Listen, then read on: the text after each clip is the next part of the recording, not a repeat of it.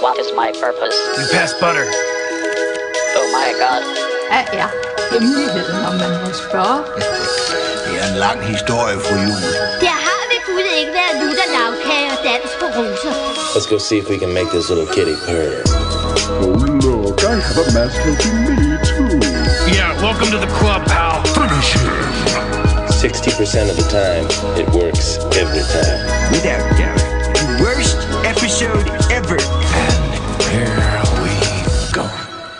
Velkommen til Række 8's julekalender om 2010'ernes bedste film. En julekalender, hvor vi hver dag frem mod juleaften den 24. december tæller ned en film ad gangen til vores bud på den bedste film fra det snart forgangne årti. I dag er det den 17. december, og vi er kommet til film nummer 8, som er filmen fra 2016. En film af den øh, kanadiske instruktør, French Canadian Denis Villeneuve. Og beklager, hvis jeg slagtede dit navn, Denis. Men øh, jeg er altså dansk og jysk, så det kan ikke gå helt godt. Ja, vi startede med at kalde ham for Dennis. Dennis, ja. Dennis Villeneuve. Men det er, jeg tror, vi har lært lidt undervejs. Ja. Filmen, det er Arrival, der er skrevet af Eric Heiserer, baseret på øh, en øh, novelle, der hedder The Story of Your Life af mm-hmm. Ted Chiang. Øhm, som handler, og, øh, som har øh, Amy Adams og, øh, og, hvad hedder han? Jeremy Jeremy Renner i hovedrollerne. Øh, I historien om, om, hvordan verden pludselig reagerer på øh, tilstedeværelsen af tilsyneladende 12 øh, obelisk-lignende øh, øh, hvad skal man sige, fartøjer viser det sig at være. Ja. Rumskibe, der, der har øh, rumvæsener inde i sig, som man ikke ved helt, hvorfor er kommet til jorden. De har placeret sig på nogle rimelig tilfældige steder rundt i verden, og så forsøger mennesket ellers at finde ud af, hvad, hvorfor de er kommet, hvad de vil her. Og, øh, og der er øh, Amy Adams' Louise og Jeremy Renners, øh, og hvad hedder han? Hvad hedder han? Ian? Ian, lige præcis. Ja. Ian Donnelly. Øh, front and center i, i den opklarende fase af, hvorfor er de her rumvæsener kommet. Det var det, og altså jeg kan sige det med sammen. Det her det er også en film, hvor jeg kommer til at sige noget med det at være forældre. Sorry, Så er du advaret. så er du advaret derude, hvis du ikke kan magte det. Jeg har et barn. Det øh, influerer alt, hvad jeg ser. og det har Louise også. og det har Louise også. Eller har hun. Eller har hun, ja. Det her, det her det er jo, altså, jeg tror, det her det er skoleeksemplet på, hvorfor, som vi har snakket om før, hvorfor det nogle gange kan være rigtig fedt og, og fuldstændig vide plottet på en film, inden man ser den. Ja. Øh, fordi Denis Villeneuve har lavet en del film, han, han har ligesom lavet en del film, der har meget af det her med at sige, at når man har fået hele filmen med, så forstår man ligesom meget af filmen i retrospektivt. Ikke? Sådan var det med Enemy, sådan er det med Prisoners, og sådan er det også med Arrival, i høj grad med Arrival. Ja. Um, Ja, fordi den kaster os ud på en, en loopet fortælling, øhm, Ja. hvor vi hvor slutningen, den her klassiske fortælleteknik med, at man siger, at slutningen er i begyndelsen, det er den bogstaveligt talt, og, og hvor alt hænger sammen. Nutid, fortid, fremtid i løbet af filmen her. Og vi bliver snydt gevaldigt jo, fordi vi får netop præsenteret Louise som en kvinde, der lever et meget øh, ensomt og trist liv. Ja. Formentlig forårsaget af, at, at, at vi ligesom ser, at hun har mistet et barn. Jo, præcis. Som bliver akkompagneret smukt af det her fantastiske stykke klassisk musik, som jeg jo har snakket om i en podcast. Jeg gav det en tommel om en gang, efter jeg har set det. Det blev, det blev brugt i forskellige sammenhæng, også i øh, både i, i Shutter Island, Martin Scorsese's film, og også i øh, sidste års uh, Castle Rock sæson 1 episode, der hedder The Queen. Max Richters uh, On the Nature of Daylight, Ja. som, uh, som film både starter med og også slutter med, Ja. for ligesom at konkludere, uh, eller lukke uh, ringen omkring filmens handling. Um, et, et stykke musik, som jeg faktisk hørte på vejen hen til, øh, til dig, Jens, i dag. Øhm, og det er så det mest sørgmodige stykke musik, jeg overhovedet kender, øh, som virkelig bare hiver i dine, i dine følelser, når du ser det, og så også ser det i konteksten af scenerne. Fordi vi netop får indtryk af, at, at øh, Louise, hun havde et barn, som hun så ikke har længere. Og så starter filmen, og vi har øh, det indtryk af, at hun ligesom lever i kølvandet på det her tab, som, øh, som hun har oplevet. Og så bliver hun også draftet ind til at skulle være øh, en, en, der skal være med til at oversætte det mulige sprog, som de her rumvæsener, de, øh, de fremstiller.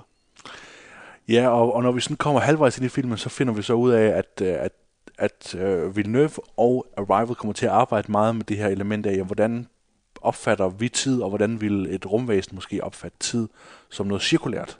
Ja.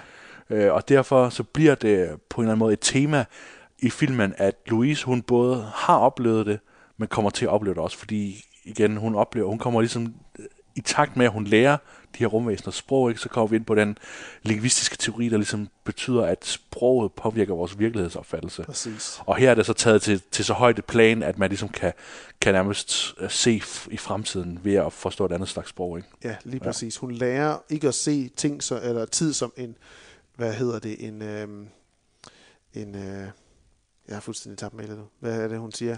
Hun ser det ikke lineært. Nej, hun ser ikke lineært. lineært. Hun er Ja. i stand til at hoppe frem og tilbage og influere beslutninger øh, i fortiden, i fremtiden og i nutiden, og kunne, kunne hele tiden bruge det.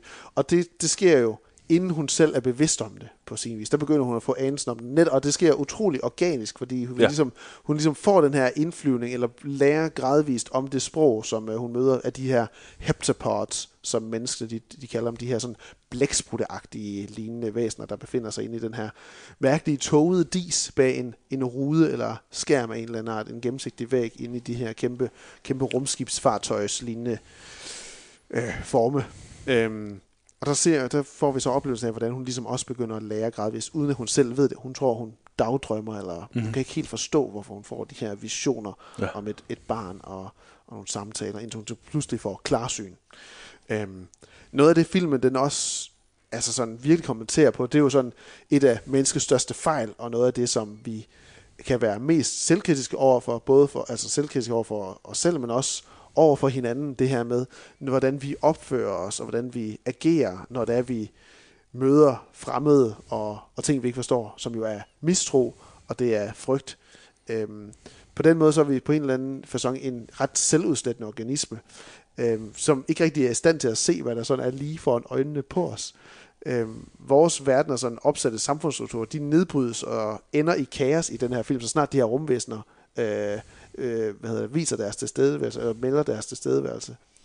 Og, og det er fordi, at mennesker de ikke er i stand til at, at tro på, på det gode, lader det til jo, som, som Villeneuve og Heisler, de ligesom øh, angriber og kritiserer her, at i stedet for at måske tro, at de her væsener, de kunne komme og give os en gave, som det jo rent faktisk viser sig, at de er interesserede i at gøre, og, og hjælpe os med at skulle hjælpe dem i sådan en af filmens mere sådan out there segmenter, som heptapodderne øh, begynder at, at udtrykke, så, øh, så, så er det virkelig bare sådan en stærk kommentering på, hvordan mennesker vi er så fejlbarlige, og når det kommer til vores interaktion med ting, vi ikke forstår, og, og mennesker, eller, eller fremmede, som vi bare ikke ligner os.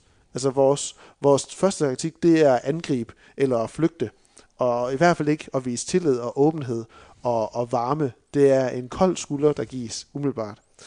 Øhm, og der er Louise og Ian, de to humanister, der på en eller anden måde udviser tro, troen på andre, som de her heptapods, de søger øh, i deres kommunikation med menneskeheden. Hvor alle andre igen, de er i den her konstante angrebsmode. Hvad nu, hvis de fremmede ved os ondt? Der er mennesket bare konstant bange for, at det vi ikke forstår, det er ude på at skade os.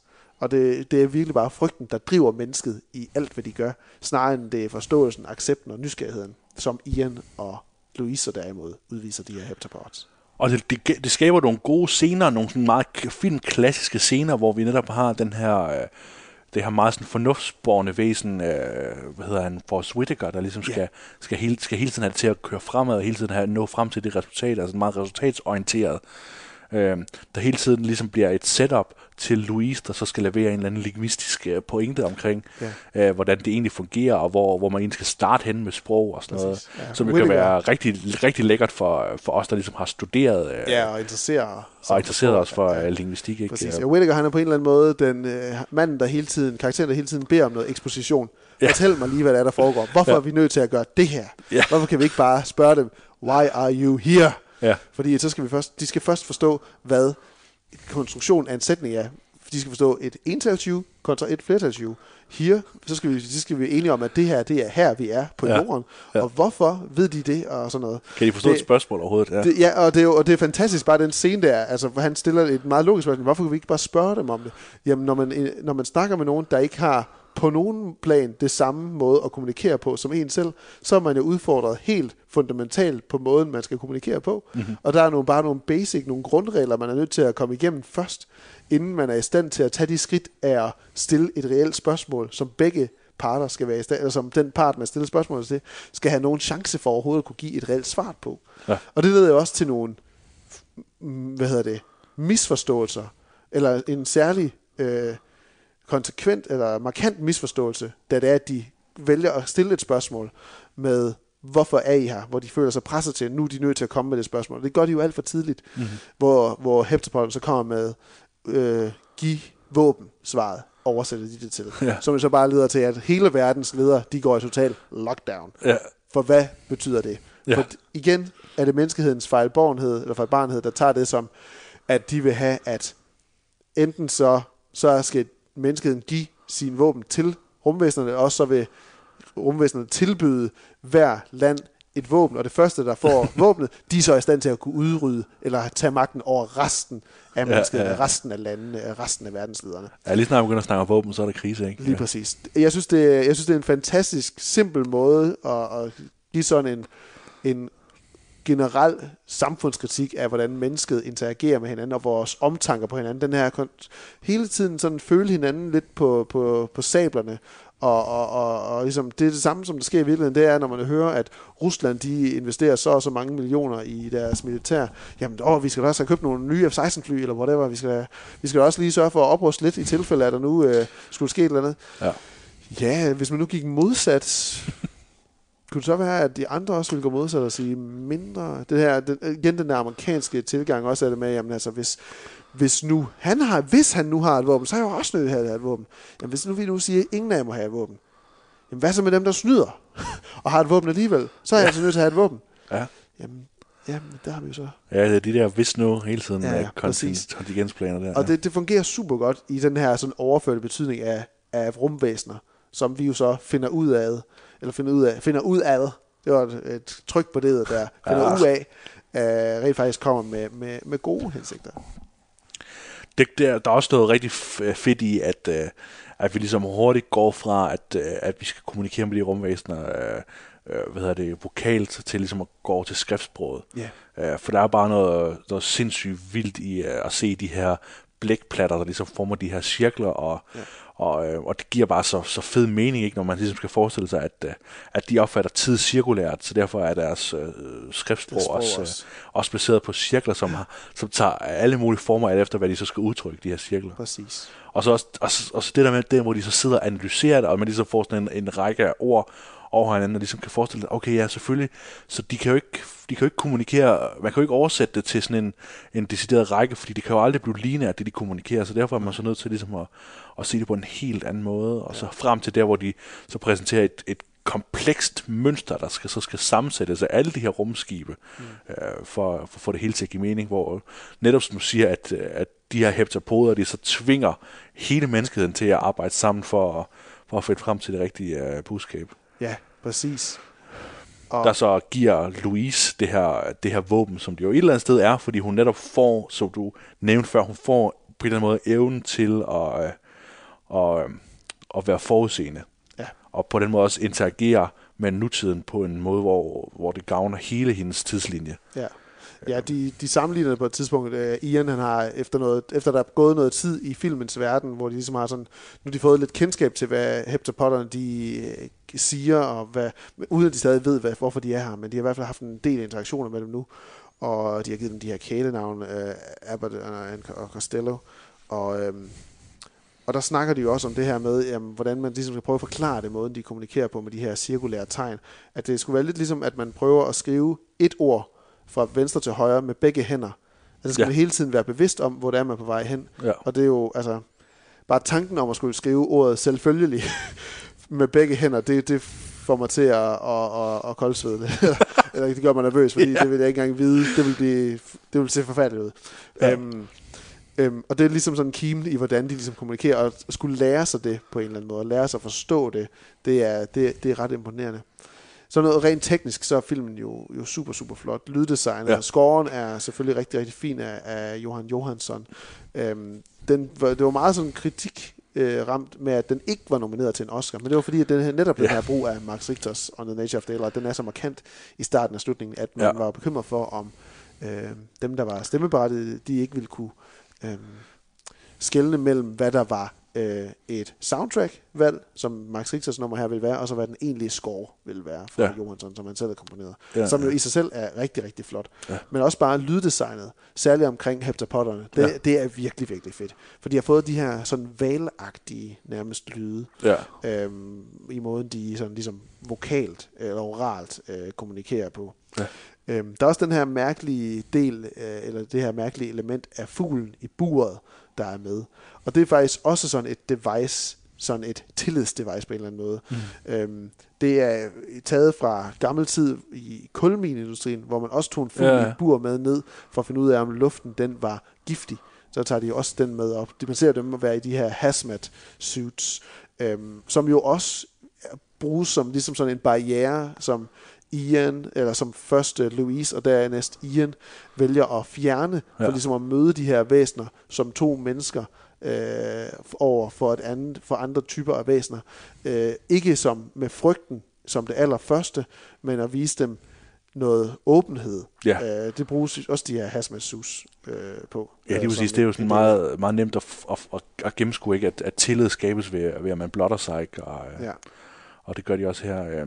Men jeg giver dig fuldstændig ret. Jeg synes, øh, jeg, jeg kommer aldrig til at glemme at sidde i biografen, og så være fuldstændig opslugt af, af den her rejse ind i rumskibet, hvor tyngdekraften lige pludselig Ja. skifter Ja, fra, det fra, hele fra sådan en tunnel til en gang, ikke? Og, og så hvor, hvor skræmmende det egentlig er, hvor, hvor, hvor medrivet, hvor medrivet jeg er omkring mødet med, med de her væsener, der er så fremmede og så anderledes. Øh, Kolonorme virker de også til at være. kolonorme, ja. Altså, man, man, man når aldrig at se dem hele. Det virker nærmest som, som, som, som lemmer, der hele tiden splittes ud, ikke? Som, ja. Som kun lige kommer ned nærmest som en hånd, der, ja. Der står øh, bag en, øh, en, en skygget glasramme. Ikke? Ja. Øh, Og netop som du siger, lyden gør bare, at man er så, øh, man er så utryg om situationen, fordi man, ja.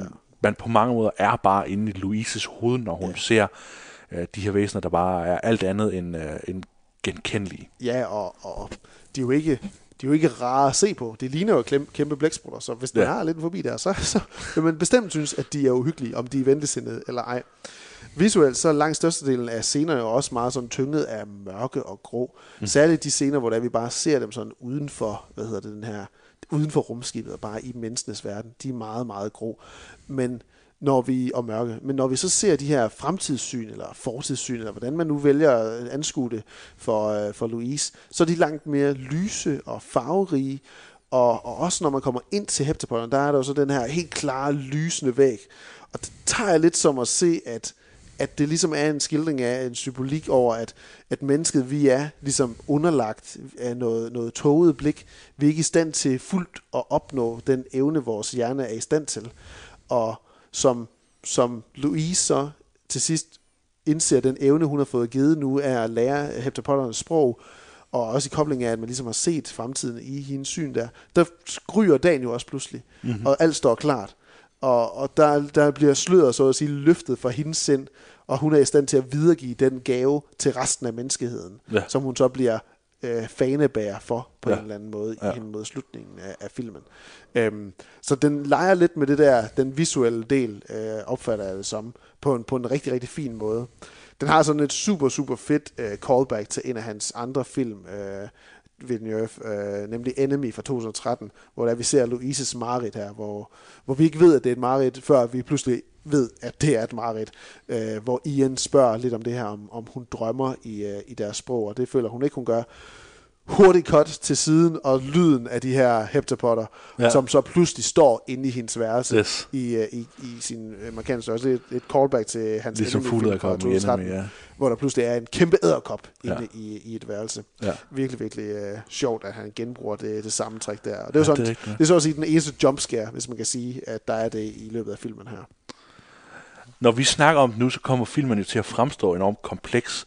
Men min forestilling om Arrival er også, at, øh, at, at Villeneuve han ligesom er meget øh, omgængelig med nogle komplekse sci-fi og begreber. At, øh, Ja. at jeg tror, grunden til, at filmen er så vældig og, så, og var så succesfuld på tidspunktet, det var også, at, at den at Villeneuve han forstår ligesom at, at pace sig i, uh, i løbet af, uh, af Arrival, og bruger nemlig også strategisk greb om at, at skippe på et tidspunkt uh, en periode af det her research, for, ja. for hele tiden at, at bære os ind i, øh, ind i verdenen her. Og samtidig med det, så synes jeg også bare, at den fungerer bare enormt godt på, på det nørdede plan, ikke? hvor man sidder som, som, øh, som, som en, der engagerer sig i lingvistik, og som en, der engagerer sig i, i hvordan, hvor, hvordan man egentlig kunne tænke på mødet med rumvæsener i, i, på tværs af tid og rum, ikke? Så, så arbejder den bare fedt med det, og den har den her fede twist også, og, og det her mindfuckery i, at, øh, at hun lige pludselig kan øh, tilgå et minde, som ikke er sket endnu, Ja. og bruge det i nutiden, ikke? Ja. Det leder mig også til, det leder mig til at tænke over, om, øh, om filmen måske har en hel masse, som jeg ikke har, tænkt over nu, og om Villeneuve han egentlig har en masse skjult budskaber i, Ja. i fortællingen om Louise. Øh, hvad hendes ligesom, hvad, det vi ser, hvad det egentlig betyder. Mm. Øh, og jeg blev grebet af en eller anden forestilling om, at, at hvor meget af det, vi ser, er det egentlig noget, som hun har, øh, har skabt for sig selv. Ja. Øh, fordi, du ved, det er svært at give mening til det her øjeblik, hvor hun, hvor hun blander, øh, blander fortid og nu, eller fremtid og fortid sammen. Ja. Og ligesom handler på noget, hun ikke har oplevet endnu. Og ovenikøbet noget, hun, hun aldrig vil vide noget om. Så, øh, så sidder jeg og tænker, jamen, er det så, har hun, hvor meget af den virkelighed, hun er en del af, har hun så selv skabt, har hun selv konstrueret? Ja. Har hun konstrueret det her barn, og, og de her heptapoder, og alt det her, hvor meget af det, vi ser, er egentlig noget, som hun har, som er en del af hendes sådan, øh, skabelse? Den tillader i hvert fald, at, at man lader tankerne flyve i alle mulige retninger. Ja. Jeg synes jo, at slutningen den er ekstremt smuk, fordi vi, vi, får, vi får det klarsyn også, som øh, vi ikke vidste, der var til at starte med, øh, om hvad, hvad, hvad begivenhederne og scenerne i, først, øh, i starten af filmen, de, de, de har betydning i for slutningen af filmen. Øhm, og hvordan hun ligesom vælger at, at, at gå ind i den fremtid, til trods for det, den smerte, hun ved, hun kommer til at møde. Det synes jeg er noget, det, var, det var en, en, den har en vanvittig smuk slutning, øhm, hvor hun vælger, vælger kærligheden og smerten, til trods for, hvordan, Ja. til trods for, hvor stor en smerte hun ved, hun kommer til at opleve, så vil hun hellere opleve den kærlighed, hun finder inden smerten, fordi den må unægteligt være desto meget større, end den smerte, hun finder bagefter. Eller den vil hun i hvert fald bare aldrig nogensinde være for uden, selvom hun er bevidst om øh, de følger, det får. Det, det, er sådan, det er sådan noget helt universelt forældrekærlighed, der kommer ind på en eller anden måde der. Og så tror jeg, jeg lukker den der og siger, så har jeg ikke sagt mere omkring det der med forældre lige i dagens episode. Så prøver jeg prøver keep it, keep it, keep it locked down. Ja, det er jo, det er jo virkelig også et, et meter for en god film, det er, når man tager nogle, øh, nogle højtflyvende begreber og bruger dem til noget meget enkelt, ikke? Og så netop sige, ja. at det handler jo ikke om rumvæsener, det handler jo ikke om tidsrejser, det handler om en kvinde, der ligesom omfavner en skæbne, omfavner en virkelighed, og får det klarsyn, som du netop siger, at, ja. øh, at hun, hun indser, at det er sådan, ting må være, og det er det, det, er det offer, hun må gøre for ligesom at kunne, kunne redde et, øh, en, en større del af hendes, øh, hendes liv, ikke? Ja, de gode sci-fi-film i min optik, det er jo dem, der får os til at indse, hvor menneskelige vi er, eller falder frem til mennesket i karaktererne på sin vis. Ja. Og det, det, det, det, det lykkes Arrival med på, på alle mulige Det må måder. man sige, ja. Ja. ja. Arrival, den kan øh, ses, lejes på SF Anytime og Blockbuster. De andre steder, der tror jeg sgu simpelthen, man skal købe den på iTunes og Viaplay. Købe adgang for at, for at se den. Men øh, men den kan lejes på SF Anytime og Blockbuster. Har man ikke set den, så kan jeg da kun anbefale, at man gør det. En sjov lille ting, for da jeg var inde og se øh, den i biografen, det var, at jeg var inde i biografen og se den med vores gode ven Johnny og Martin, mener jeg også, det var. Og øh, der var en, der var inde og se den. Han var tydeligvis øh, meget, meget fascineret over, hvordan den film overhovedet kunne lade sig gøre. Altså, sådan højt indimellem i løbet af filmen råbte han ud, hvordan kan de gøre det der? Eksempelvis scenen, hvor de øh, sådan entrærer øh, rumskibet, og det hele vender på hovedet. Sådan, ja. What? Der, kan- altså, der kom sådan flere what? Højlydt ud i salen. Øh, hvilket, var, hvilket var lidt sjovt. Også lige når at tage en ud af den sådan Jamen altså indrømmet, fantastiske scene, men også sådan, ja, jeg ved godt, det er imponerende, men altså, sådan, det virker lidt på, som om det er den første science sci-fi, eller ikke socialrealisme film, vedkommende har været inde og sige sådan, hvordan kan det lade sig gøre det her? De første øh, special effects, jeg nogensinde har set. Ja. Det var lidt sjovt. Men øh, så hvis du aldrig har set noget øh, eller det, så, så kan du godt blive overrasket på den front også. Det er klart. Sidder han derhjemme og ser Jule Vesterborg og siger, hvordan kan Anders Madsen være der? Ja, og der, og der, og der. og der. Pff, Mind blown. Det kan man jo også se på filmstriben. Skal man det? Den øh, har Maria og jeg kørt igennem her i december. Sådan der. Nå, det var øh, nummer 8 på listen over 2010'ernes Ja. ja. bedste film, nemlig Arrival fra 2016. Vi siger tak for i dag, og er tilbage igen i morgen, den 18. december, med nummer 7 på listen. Glædelig jul. Glædelig jul.